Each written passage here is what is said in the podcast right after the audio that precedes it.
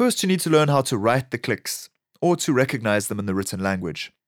Interestingly, the letter K can be used to phonetically represent the sound of the following three letters as used in English.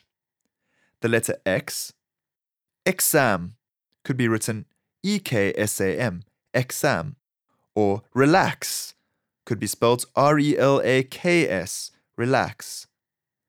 The letter C can also be substituted. For instance, the word clean could be spelled K L E A N. Then the letter Q, such as in the word quiet, could be spelled K W I E T, or request could be spelled R E K W E S T. So this frees the three letters to represent the three clicking sounds, as introduced in the next track.